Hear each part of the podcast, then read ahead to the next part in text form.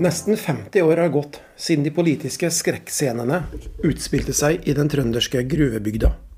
Men fortsatt får navnet Røros det til å gå kaldt nedover ryggen på folk i Venstre.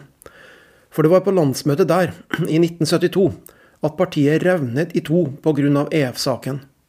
Sentrale partifolk reiste seg, gikk ut av landsmøtesalen og dannet sitt eget nye parti. Og siden den gangen har Venstre aldri klart å reise seg helt. Partisplittelsen på Røros forvandlet Norges eldste parti til noe som tidvis mer har lignet på en politisk sekt i kontinuerlig kamp med sperregrensen.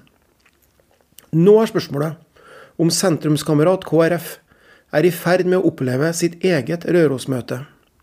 Eller rettere sagt om KrFs ekstraordinære landsmøte på Gardermoen den 2.11.2018 kan få samme ødeleggende effekt som basketaket på Røros fikk for Venstre. Det sto én sak på dagsorden den fredagen på konferansehotellet ved hovedflyplassen. Hvilken retning skulle KrF gå i?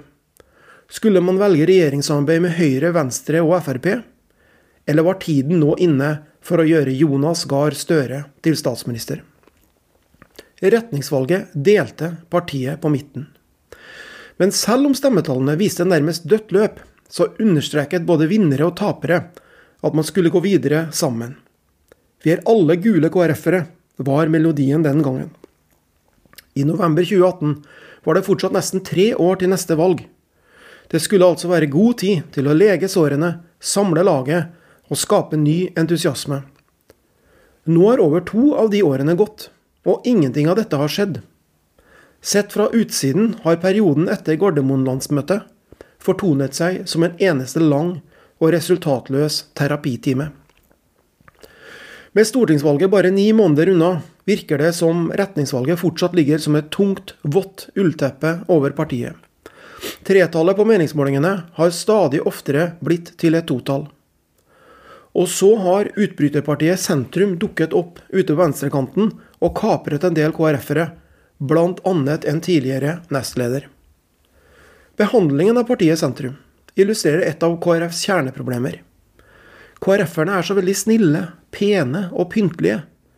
Hvorfor sier de ikke fra når det kommer et konkurrerende parti og forsyner seg av deres tillitsvalgte? De behøver ikke bruke samme språk som Ap-folk gjorde da Jan Bøhler ble senterpartist over natten. I denne avisen anbefaler vi som kjent ikke bannskap. Men det må da finnes en mellomting? Slik det ser ut nå, virker det nesten som KrF synes den undergravende virksomheten som bedrives, er helt grei. Og fremfor alt, hvorfor er det ingen KrF-ere som sier det åpenbare, nemlig at partiet Sentrum er et prosjekt som er dømt til å mislykkes? Snakket om stortingsrepresentasjon er bare tull. Dette er et parti med maktspotensial i området rundt et halvt prosentpoeng. De som nå sier ja til å stå på stortingslister for partiet Sentrum, forplikter seg til masse arbeid for absolutt null resultater.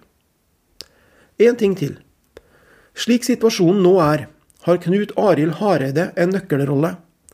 Ingenting ville være mer effektivt for å stoppe lekkasjen til sentrum, som om den tidligere partilederen begynte å snakke om KrF, og ikke bare om samferdsel.